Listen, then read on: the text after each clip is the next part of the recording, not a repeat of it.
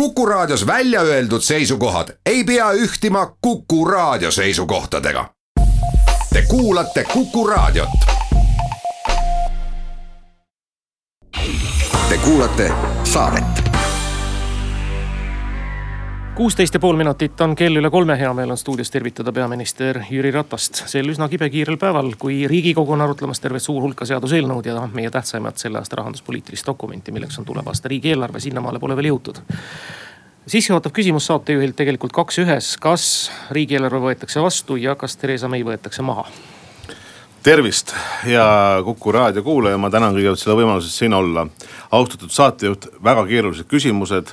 kui ma nendele küsimustele nüüd vastan, siis ma peaks ju tegelema ennustamisega. kõigepealt punkt üks, ma väga loodan, et riigieelarve võetakse vastu. miks ma seda arvan, et see tõenäosus on suur kui vaadata ka teist lugemist, siis tegelikult koalitsioon oli nendes äh, põhimõttelistes seisukohtades, mis riigieelarves on, ühtne. ja ma väga loodan, et, et täna selle riigieelarve saab heaks kiidetud ja see vastab ka tõele, et riigieelarve on alati dokument, mis on siis kõige konkreetsem toob kõige konkreetsemalt välja need prioriteedid ja tegevussuunad järgmiseks aastaks. nüüd teine küsimus, Suurbritannia peaminister tal on olukord väga keeruline, tema olukord on tegelikult olnud väga keeruline viimased minu meelest poolteist aastat on kogu aeg olnud juttu. kas äh, ta, kas teda umbusaldatakse või teda ei umbusaldata. ja nüüd on muidugi see olukord muutunud väga raskeks, sellepärast et ühelt poolt on laua peal ju lahkumisleppe projekt, millele peaks sellise esialgse hinnangu andma Briti alamkoda. nagu me teame uudiste põhjal, siis äh, suure tõenäosusega nad ei anna seda või vähemalt see on esialgne info samas äh, ma kujutan ette, et kui seda ei tule, Euroopa Liit on ühelt poolt kahekümne seitsme riigiga öelnud, et see on see lahkumislepe, mis meile sobib. seda on öelnud ka Briti peaminister Theresa May ja nüüd, kui ta ei tule parlamenti taha, on põhimõtteliselt loomulikult on umbusaldus siis ju tema tööle. ma väga loodan, et äh, siiski selline ütleme tasakaalukus säilitatakse ja ma arvan, et nii britid kui ka Euroopa kakskümmend seitse riiki, me vajame tegelikult seda Brexitit koos leppega, mitte ilma leppeta no ma palun, et peaminister paneb äkki klapid pähe ja stuudio number kuus, kaks, üks, neli, kuus, neli, kuus. kuulajad on juba oodanud ja saanud nüüd oma võimaluse. tervist. tervist, härra peaminister. tervist. Mul on teile Äh, väga tähtis info. just see puudutab Ardo Aasmat, see ei olnud õnnetus, see oli tellimusmõrv ja. aitäh, me katsume täna mitte kommentaare anda, vaid proovime küsimusi esitada, selleks on peaminister stuudiosse tulnud. kuus, kaks, üks, neli, kuus, neli, kuus, härrale soovitame infoga pöörduda õiguskaitseorganite poole mõistagi. aga järgmine helistaja, tervist. no tervist. Nii, ma tahaks nüüd peaministri käest küsida, et mina olen nüüd ütleme piltlikult noor pensionär ja tahaks oma pensionisammast nüüd kasutama hakata, aga ei saa. käisin pangas, öeldi, teil tehakse mõningad noh, väljamaksed paarikümne euro ulatuses. see on ju mõnitamine ju. ma olen nüüd pensionär, ma tahaks oma elu hakata turvaliselt elama, ma tahaks küttekolded ära vahetada, kütt, korstnapühkija käis, ütles, et see on nüüd järgmise kord kütteperiood enam ei tohi kütta. ma tahan uut teha, aga mul ei ole raha, mida ma teen siis, andke üks retsept ja ma, ma tänan teid selle küsimuse eest, et kõigepealt äh, loomulikult ma ei saa kuidagi olla rahul sellega, missugune on Eestis pensionite tase. ja loomulikult ma arvan, et pensionid on vaja tõsta, nüüd see, mida teie soovite oma sissetulekuga teha. minu meelest see lühitutvustus, kuidas teie seda kirjeldasite, see investeering küttekoldesse on hästi oluline. tõsi on see, et nad peavad olema turvalised ja kui nad ei ole turvalised, siis me teame seda, et neid ei tohi kasutada, aga kui neid kasutatakse, need äh, järelmid võivad olla ju ääretult traagilised nii inimestele kui ka varale nüüd mina tõesti ei valda ju siin äh, selle küsimuse põhjal teie lepingut, äh, kas panga või selle pensioni, äh, pensionisambaga. eks te peate selle üle vaatama, aga minu meelest probleemi asetus, et, et tõesti, et inimene, kui ta läheb pensionile, et ta ei pea elama ainult pensionist pensionini, vaid pension oleks ka väärikale sajaaastasele Eesti riigile kohane selle osas loomulikult ma toetan, et tööd tuleb teha ja pensionid on vaja tõsta selle härra mure, kuna ta on varemgi sellega saatesse pöördunud, oli see, et ta ei saa teisest sambast kogu raha kätte, mis ta on sinna investeerinud ja see on väga paljude pensionäride mure. kes on arvanud noh, seda raha kogudes teise sambasse, et ei saagi korraga kasutama hakata, vaid seda makstakse kindlustuslepingu alusel välja. Jaak Oopa. nii see on, et need on tõesti lepingulised suhted. kuus, kaks, üks, neli, kuus, neli, kuus on helisenud, tervist. tervist. Kaks aastat tagasi te kohtusite Toompea haridusseminari juhtivate liikmetega. seal te lubasite, et te äh, moodustate kiiremas korras valitsuse juurde büroo, kelle liikmed isiklikult vastutavad Eesti demograafilise kriisi, mis nüüd on juba paisunud katastroofiks, põhjuste väljaselgitamise ja põhjuste likvideerimise eest. nüüd on kaks aastat möödas, te pole oma lubadust täitnud. Mida või keda te ootate ja miks te ei ole oma lubadust täitnud, sest see, et meil iga päevaga jääb sünde vähemaks, toob kaasa selle, et meie riik muutub iga päevaga õhemaks. Ja kõik need probleemid, mida meie, mis meie inimeste ees praegu seisavad sõltuvad väga suurel määral ka just sellest, et meie, meil ei sünni juurde äh, maksumaksjaid ja meie riik jääb vähemaks. ma veel kord kordan, mida te ootate ja millal moodustatakse institutsioon, kes otseselt vastutab Eesti rahva edasikestmise eest, ma tänan. Aitäh, hea küsija, ma olen selles mõttes täielikult päri, et ma arvan, et äh, rahvastiku teema ja Eesti rahvaarvu äh, taas tõusule pööramine, ma julgeks öelda, et see on kõige olulisem äh, teetähis või ülesanne järgnevaks sajaks aastaks et meie rahvastik ei oleks kahanev ma kõigepealt eh, seda vastust eh, alustades ei saa kahte asja, mida ma tahan alustuseks öelda.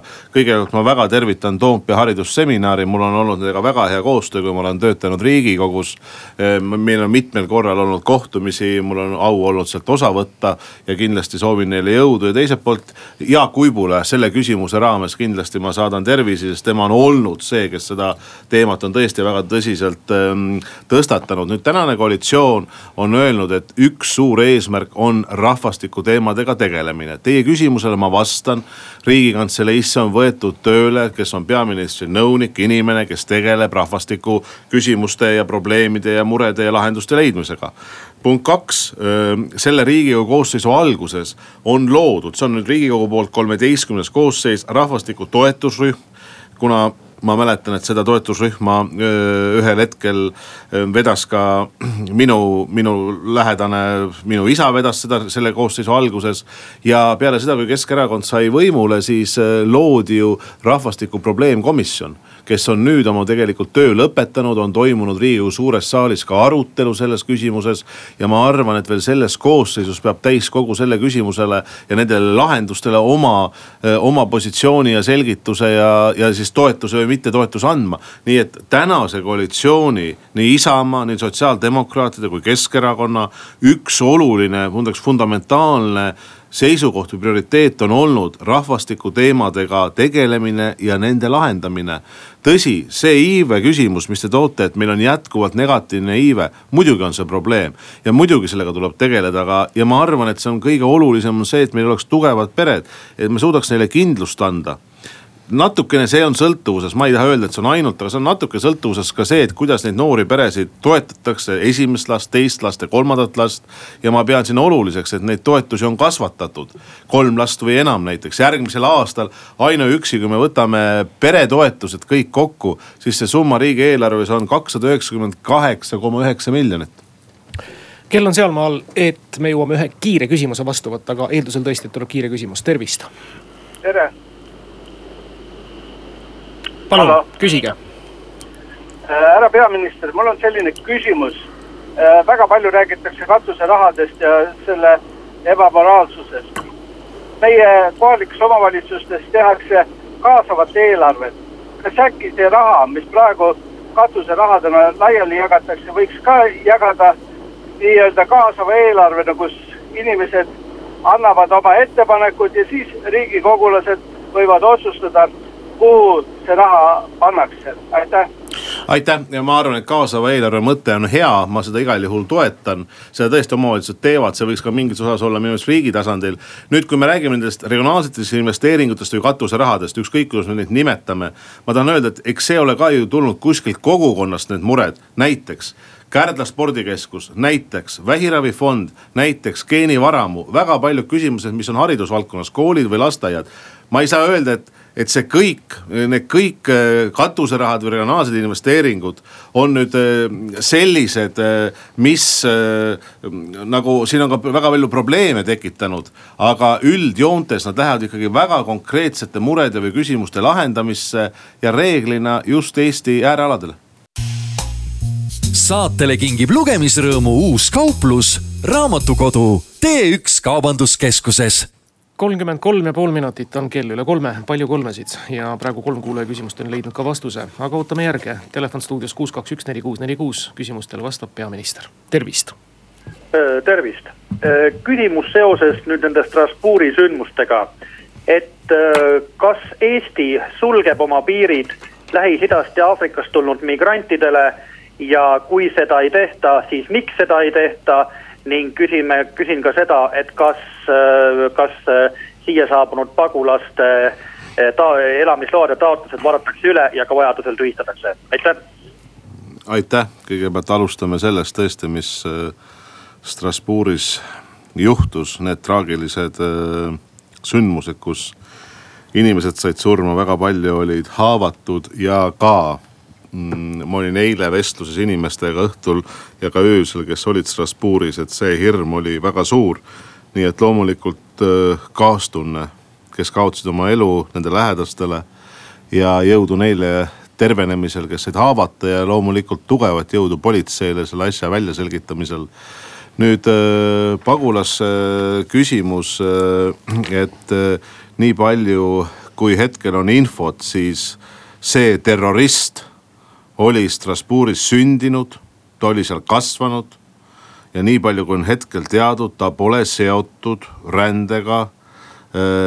nii et need on esimesed infod nüüd loomulikult Eesti alati ju, see on olnud Eesti põhimõte üldse, et kui me neid pagulasi vastu võtame vabatahtlikult, ma rõhutan veel kord ainult ja ainult vabatahtlikult, siis me teeme neid intervjuusid ju koha peal. ma isiklikult äh, olen mitmele Euroopa riigile rääkinud, et kui üldse Eesti kedagi vastu võtab, siis me soovime teha, et meie politsei, kaitsepolitsei, sotsiaalvaldkonna ametnik teeb intervjuusid koha peal ja just äh, kont-, tausta kontrollimise mõttes, nii et Eesti lähtub seda printsiipi järgides väga tõsiselt, aitäh. kuus, kaks, üks, neli, kuus, neli, kuus ootab kõnesid, küsimusi peaminister Jüri Ratasele, kes on stuudios ja aktuaalseid ja akuutseid teemasid on kindlasti palju, tervist. tervist, nii härra peaminister, selline küsimus. et eh, selle maksureformiga, miks siis niisugused natuke paremini teenivad pensionärid, kes käivad tööl, peavad kinni maksma vaeste hea elu meil näiteks on niimoodi, et ma kaotan kaheksakümmend eurot iga kuu, aastas on see tuhat juba mm. -hmm. aitäh teile küsimuse eest, et äh, kõigepealt mulle üldse ei meeldi äh, äh, kuidagi jagada teljel vaesus ja rikkus. aga muidugi ju tõesti tõene on see, et mõndade inimeste sissetulekud on suuremad, mõndadel väiksemad. Eesti probleem on kogu aeg olnud sissetulekud, mis on madalad või keskmised. seetõttu tulumaksuvaba miinimum tõsteti saja kaheksakümnelt eurolt viiesaja euroni ja tõesti, see annab väga suurele hulgale töötavale tööealisele elanikkonnale igakuiselt netosummat juurde ja seda on eh, öelnud ka näiteks Swedbanka eh, analüütikud väljaspoolt, et see on olnud üks palgakasvu komponent nüüd tõesti need töötavad eakad või pensionärid, kes teenivad üle kahe tuhande ühesaja euro sissetulekut. seal on tõesti see, et inimesed peavad siis rohkem panustama ühiskonda tagasi. küll, mida ma tahan tuleviku mõttes öelda, et ka siin on teha, vaja teha minu meelest teatud muutus ja üks kindel suund peab olema see, et pensionid peavad või et see tulumaksuvaba miinimum peab alati kasvama natukene kiiremini, kui on see keskmine vanaduspension. ja selles osas ma olen täiesti päri, et äh, keskmine vanaduspension peab olema äh, maksu alt väljas kuus, kaks, üks, neli, kuus, neli, kuus on taas kõne vastu võtnud küsimusega, tervist Te. tervist, hallo. ja palun. mul on küsimus, miks äh, Keskerakond on kõik see aeg võidelnud eestikeelse äh, hariduse vastu.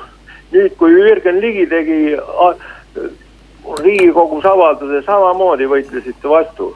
Kas te ei soovi siis ainult selle eestikeelset haridust Eestis? aitäh küsimuse eest, vastupidi, et Keskerakond on kogu aeg seisnud selle eest, et eestikeelset haridust äh, saaks anda kvaliteetsemalt, et meil oleksid olemas õpikud, raamatud, äh, töövihikud, aga kõige olulisem õpetajad. konkreetne näide, mida me oleme tänases valitsuses teinud. me oleme alustanud eesti keele süvendatud ja paremat õpet venekeelsetes lasteaedades ja see, et me räägime kogu aeg gümnaasiumi või keskkooli osast, minu meelest me peame aru saama, kui me tahame head keeleoskusega noort inimest, siis tuleb juba sinna panustada lasteaedades. kolmkümmend õpetajat Tallinnas erinevates venekeelsetes rühmades ja kolmkümmend kaks õpetajat Ida-Virumaal erinevates venekeelsetes lasteaiarühmades. see on see, kuhu mitte me ei pööra tähelepanu, vaid me oleme astunud reaalsed sammud. järgmise aasta alguses tuleb ka teatud selline digitaalne õppematerjalide lahendus nendesse lasteaedadesse. nii et kindlasti me toetame paremat, kvaliteetsemat eh, ja laiemalt eesti keele õpet. Ma ei toeta ainult seda, et teatud erakondadel tuleb see eesti keele õpe meelde kolm kuud enne valimisi ja siis tahetakse üleöö asi ära lahendada, kui seda ei ole lahendatud viimased paarkümmend aastat, aitäh. kuus, kaks, üks, neli, kuus, neli, kuus, uus küsija liinil, tere. tere, kas on võimalik küsimus palun, olge hea tahaks küsida selle kohta, mille, millistel asjaoludel Keskerakond ei poolda poliitilise välireklaami keelu kehtetuks tunnistamist? Aitäh teile küsimuse eest, et äh, kunagi, kui see poliitiline värireklaam äh, ära keelati, kui ma ei eksi, see on vist circa nelikümmend viis päeva äh, nelikümmend päeva enne, enne valimispäeva, siis loodeti seda, et ähm, sellega ütleme, see aktiivne valimiskampaania kuidagi muutub lühemaks, vastupidi. me näeme, et valimiskampaaniad on läinud pikemaks, me näeme, et nad on läinud ka kulukamaks Äh, ja ma ei tea, kustkohast te võtate nüüd seda, et, et Keskerakond seda ei toeta, et ma arvan, et äh, kui tehakse otsus selles suunas, et äh, lasta see välireklaam tagasi ja see võtab või vähendab, ütleme erakondade kulutusi valimiskampaaniale ja teiselt poolt ka kampaania pikkust lühendab mõnes kohas on seda tehtud hoopis teistpidi. nii et äh, ma, ma küll ei julge seda öelda, et Keskerakond seda ei toeta, vastupidi, et ma arvan, et, et mida ütleme nii, mida vähem rahalisi vahendeid äh, läheks valimiskampaaniasse ja me saaks aidata ka sellega, et see valimiskampaania aeg lüheneb, ma arvan, see on päris mõistlik mõte. järgmine küsija liinil, tervist. tere päevast, minu küsimus, kui kaugel on sundüürnike küsimuse lahendamine? Aitäh. aitäh, see on väga oluline küsimus, see on olnud Keskerakonna jaoks väga oluline küsimus ja see on jätkuvalt, me oleme reaalseid samme astunud. mul oli siin mõned kuud tagasi võimalus olla Üürnike Liidus ja seal inimesed ütlesid, et, et esmakordselt on Eesti Vabariigi valitsus teinud reaalse sammu iseseisvuse taastamise ajal ja see samm oli siis see, et selle aasta algusest me alustasime sellise andmekogu moodustamisega. see on rahandusministeeriumi all, sellega tegeleb riigihalduse minister Janek Mäkki. ja täna võib öelda, et see andmekogu nüüd põhimõtteliselt on valmis. Äh, inimestes on riiklik siis ja nüüd on küsimus, mis sellega edasi teha ja see on juba järgmise riigikogu küsimus, nii et me oleme väga konkreetse ja reaalse sammu tegelikult astunud. kuus, kaks, üks, neli, kuus, neli, kuus on taas helisenud, tervist. halloo jaa, minu küsimus oleks see, et millal tuleb see moment tagasi, et ma, ma saaksin kümne aasta kohta kolm, kümme protsenti, aga mitte, mitte kolm aastat tasu mm. -hmm aitäh, härra, ma saan aru, et teie küsimus on vist selles, et te tahate, et tööstaaži aasta siis võrduks selle pensionistaaži osakuga, see on vist küsimus, see puudutab eeskätt seda esimest pensionisammast ja see puudutab tegelikult eh, seda. Ja seda, see pensionireform on ju kohe hetkel riigikogus ja küsimus on siis selles, et, et see esimene sammas ei oleks seotud niivõrd sissetulekuga, vaid just oleks tööstaažiga seotud ja selle, selle poole me täna liigume. minu arvamus on, et esimene sammas peaks olema seotud ainult äh, tööstaažiga ja sissetulekuga jääb alatiseks ju seotuks see kolmas sammas, mis on vabatahtlik sammas, kus inimesed saavad ise rohkem panustada.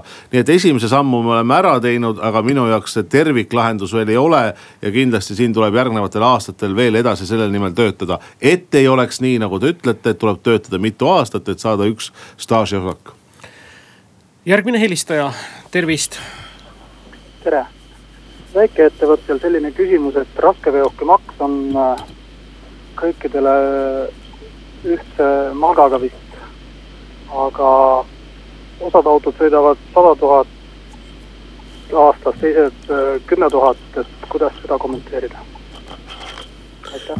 aitäh teile, et äh, ma ei kujuta nüüd ette hetkel, kuidas hakata tegema seda erisust kilometraaži põhjal et eh, see, see läheb väga keeruliseks, et kas me siis ütleme, et raskeveok, mis sõidab kümme tuhat kilomeetrit aastas, tal on üks maks, mis sõidab viiskümmend tuhat, see on teine maks, mis on sada tuhat, see on kolmas maks. et probleem oli ju pikalt see, et need raskeveokid, mis tulevad ka väljaspool Eestit, räägime siis välismaa raskeveokitest, et need ei panusta oma selle koormusega meie teedesse, nad ei anna tagasi ja seetõttu sai ka see maks kehtestatud, aitäh ütleme nii palju ära veel eelmise helistaja mure kohta, et riigikogu kiitis heaks just neil minutil, kui härra helistas, need pensionikindlustusega seotud muudatused, mis panevad rohkem siis tööaastad sõltuma või pensionistaaži rohkem sõltuma siis tööaastatest. Te kuulate saadet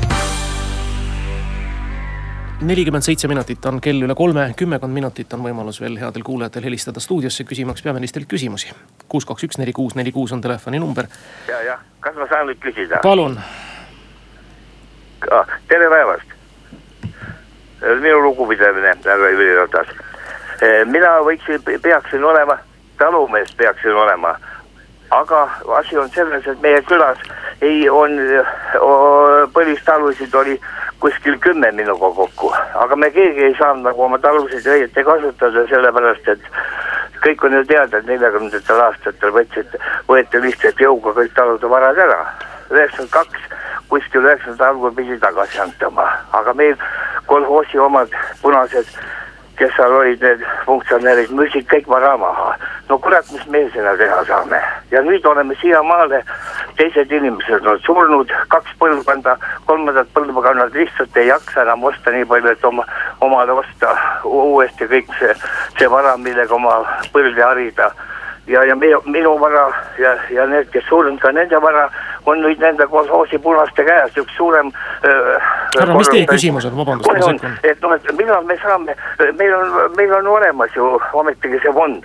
millal me saame ükskord ometigi oma, riik maksab ära oma võla ja kõige hullem on see, et maamaks on kogu aeg peal, aga ma ei saa maad, maad ju kasutada. mees, see on suur, see on tõsine probleem ei ole niimoodi, et üks, ühel on sada, siis jällegi vabariik sada, aga teine te,, teisel ei ole mitte midagi. aitäh, ma kõigepealt tänan selle tunnustuse eest teid ma tahan öelda seda, et kindlasti mina pean oluliseks, et jätkata põllumeestele otse ja üleminekutoetuste maksmist. on oluline, et me kasvataksime veelgi kohalike omavalitsuste tulubaasi ja minu meelest on oluline ka see just maapiirkonnas, et me suudaksime käivitada selliseid regionaalseid programme. hetkel tänane valitsus on kaks tükki neist käivitanud Ida-Virumaa ja Kagu-Eesti programmi. see ebaõiglus ja võrdsus või ebaõiglus õigemini mis selle omandiga on tehtud, siis loomulikult on siin oluline see et õiglus seatakse ühiskonnas jalule ja inimesed, kes on kannatanud, et saavad selle eest ka hüvitist ja tõesti, mina mäletan oma isa näite puhul, et ka neil oli sama asi üheksakümnendate aastate alguses, mil, mis näite ka teie tõite, aga, aga loomulikult eh, need summad olid toona ikka üsna sümboolsed, aitäh. kuus, kaks, üks, neli, kuus, neli, kuus on taas küsija vastu võtnud, tervist. tervist. Jüri Ratas meil on niisugune küsimus ühesõnaga. vaata, kuidas öelda ühesõnaga, igatahes ma olen teist väga pettunud. on teil küsimus? küsimus on selles ühesõnaga, ma ei, muidugi küsimust suurt ei ole, aga ma ütlen, nihukese mehega mina luurele ei lähe aitäh teile, mina tahan teile jälle härra soovida väga ilusat jõuluaega. tahan soovida teile, teie lähedastele, teie perele tugevat tervist ja nähke ikka positiivselt. me kuulame järgmist helistajat loodetavasti küsimusega, tervist. tervist, ja mul on konkreetne küsimus. ehk siis, et äh, Jüri Ratas, et millise seaduse või õigusandliku akti alusel on saanud Eesti demokraatiast autokraatia või türannia et äh, härra Jüri Ratas ainuisikuliselt otsustab otsuseid, mida valitsus ei suuda otsustada, milles riigikogus ei ole enamuse toetust ja millesuguste uuringute alusel on rahval äh, kaheksakümmend protsenti rahvast umbes on selle vastu. ehk siis jutt on Marrakechi lepingust, aitäh aitäh, kõigepealt selles Marrakechi kohta ütlen nii palju, et Eestit polnud seal kohal. nüüd äh, ja loomulikult äh, Eesti jätkab seda kurssi, mis on kirjas meie põhiseaduses. ja kus öeldakse väga otse, et kõrgema võimukandja on rahvas ja nii see peab ka olema e,. mida mina peaministrina küll tunnetan ja minu meelest, mis on minu ülesanne oma töös ja töö juures on see, et see on kindlustunne. see on kindlustunne tegelikult Eesti ühiskonda, see on ühiskonna ühtsuse hoidmine ja mille osas äh, ma kindlasti soovin edasi tegutseda, on ebavõrdsuse vähendamine. ebavõrdsuse vähendamine piirkondade mõttes, inimeste mõttes, kogukondade mõttes sellise rahuliku ja ma, ma näen ka neid küsimusi täna ühiskonnas, noh, te tegelikult küsite ju ränderaamistiku asjus. ja ma üldse ei mõista teid hukka, et ma arvan, et inimestele tuleb anda siin rahulikult ja seda selgitada ja ma täiesti mõistan seda hirmu või muret olge rahulik, Eesti selle ränderaamistikuga ei võta ühtegi pagulast. mina ei ole toetanud ega saa ka toetama pagulaskvoote või massiimmigratsiooni Eestisse, vastupidi. me peame saama rahvusvahelisel tasandil konkreetse raamistiku, et takistada, et pidurdada, et tagasi saata illegaalseid äh, pagulasi, aitäh. kuus, kaks, üks, neli, kuus, neli, kuus ja uus helistaja on liinil, tervist tervist, tahaks rääkida sellest, et vähiravifond tegi uhke teene inimestele, päästis hulga elusid. kaks ja pool miljonit oli see summa. rahandusministeerium andis teada, et eelmise aastaga suunasime me sada miljonit Lätti. kas see on õige suunamine ja ka kuidas sellesse peaks suhtuma? aitäh aitäh, kõigepealt ma tahan öelda seda, et ju te räägite siis sellest äh, vähiravifondist kingitud elu ma igal juhul tahan öelda ka aitäh nii neile, aga ka Eesti Vähiliidule. Eesti Vähiliit, kes on tegutsenud juba äh, väga pikalt ja mõlemad äh, organisatsioonid on olnud ja on ka, ma loodan, järgmise aasta eelarves riigi poolt nii palju kui võimalik tagasihoidlikult toetatud. siin tuleb öelda äh, ka suur tänu tegelikult neile inimestele, kes on nõus panustama vabatahtlikult ja annetusi tegema nendele inimestele, kellel on raske haigus ja nüüd see teie teine pool. no ma saan aru, et see oli nüüd küsimus äh, selles, äh, mis on seotud riigieelarvega, te tõite välja sada miljonit, ma ei tea, kust te seda võtate. ma võin nii palju öelda, et kui võtta nüüd eelarve täitmine eelarve täitmine ja seda siis võrrelda äh, sellega, mida eelarvesse prognoositi. siis ei, sada miljonit ei ole mitte kuskil, eeskätt see loomulikult puudutab ju aktsiiside küsimust. Äh, näiteks kui me võtame äh, alkoholiaktsiisi, siis kümne kuuga on see vahe seoses eelarvega miinus nelikümmend kaheksa miljonit. Aga näiteks käibemaksuga on see pluss kolmteist miljonit ja üldjoontes me võime täna öelda seda näiteks, et sotsiaalmaks on laekunud pluss kaheksakümmend üks miljonit. nii et nendes numbrites tuleb tõesti olla täpne eh, ja kindlasti ei ole alkoholiaktsiisi läinud Lätti. Te tõite välja vist sada miljonit, aitäh. järgmine helistaja liinil, tervist. kuulete mind või? jaa.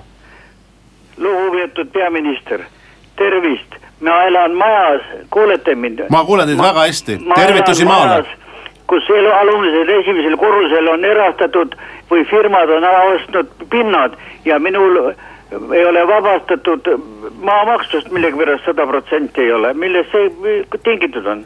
Ma arvan, et see on tingitud sellest, et ju te räägite vist kortermajast ja see on tingitud sellest, et mis osa sellest korter, kortermajast on proportsionaalselt äripinnad ja mis osa vist elamupinnad, ma arvan, et see on see konflikti koht. kuus, kaks, üks, neli, kuus, neli, kuus võtab järgmise helistaja vastu. siin ta on, tervist. tere päevast.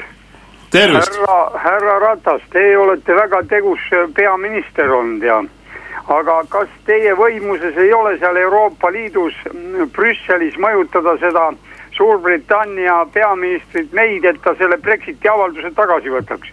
kui Brexit käiku läheb, see tekitab ebast-, suure ebastabiilsuse Euroopa Liidus, aitäh. aitäh, härra hea sõna eest, ma võiks öelda, et me oleme selles mõttes teiega ühel, ühel poolel täielikult, ka mina loodan oma sisimas, et ühel hetkel Suurbritannia ütleb ei Brexitiga me edasi ei lähe, Suurbritannia jääb Euroopa Liitu. kahjuks tõesti, see ei ole ainult Theresa May teha, see on ikkagi olnud rahvareferendum ja referendum on otsustanud lahkumise. kui tehakse uus referendum, ma ei tea, kas seda tehakse, siis ma väga loodan, et on otsus ikkagi, et Suurbritannia jääb, kuigi see tõenäosus on täna üliväike mina olen öelnud isiklikult Suurbritannia peaministrile, nagu te palusite, ma olen seda ka teinud, et mina isiklikult olen väga kurb, et Suurbritannia lahkub Euroopa Liidust, nii et siin me oleme teiega täielikult ühel positsioonil me rohkem kõnesid ei jõua kahjuks vastu võtta. tänane skoor jäi seitseteist kuulaja küsimust pluss kaks veel ka saatejuhilt. peaminister Jüri Ratasega me kohtume Kuku raadio eetris korra veel aasta lõpu intervjuus, aga sellises formaadis paraku enne valimisi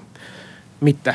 igal juhul suur tänu, peaminister, selle aasta eest siin käimast ja kuulete küsimustele vastamast. soovime teile ja loomulikult teie perekonnale ka ilusat aasta lõppu ja ilusaid jõule. kui tohin mina öelda, siis mina ütlen aitäh saatejuhile, et see võimalus oli loomulikult Kuku raadio meeskonnale ja soovin kõigile Kuku raadio kuulajatele kaunist ja armsat jõuluaega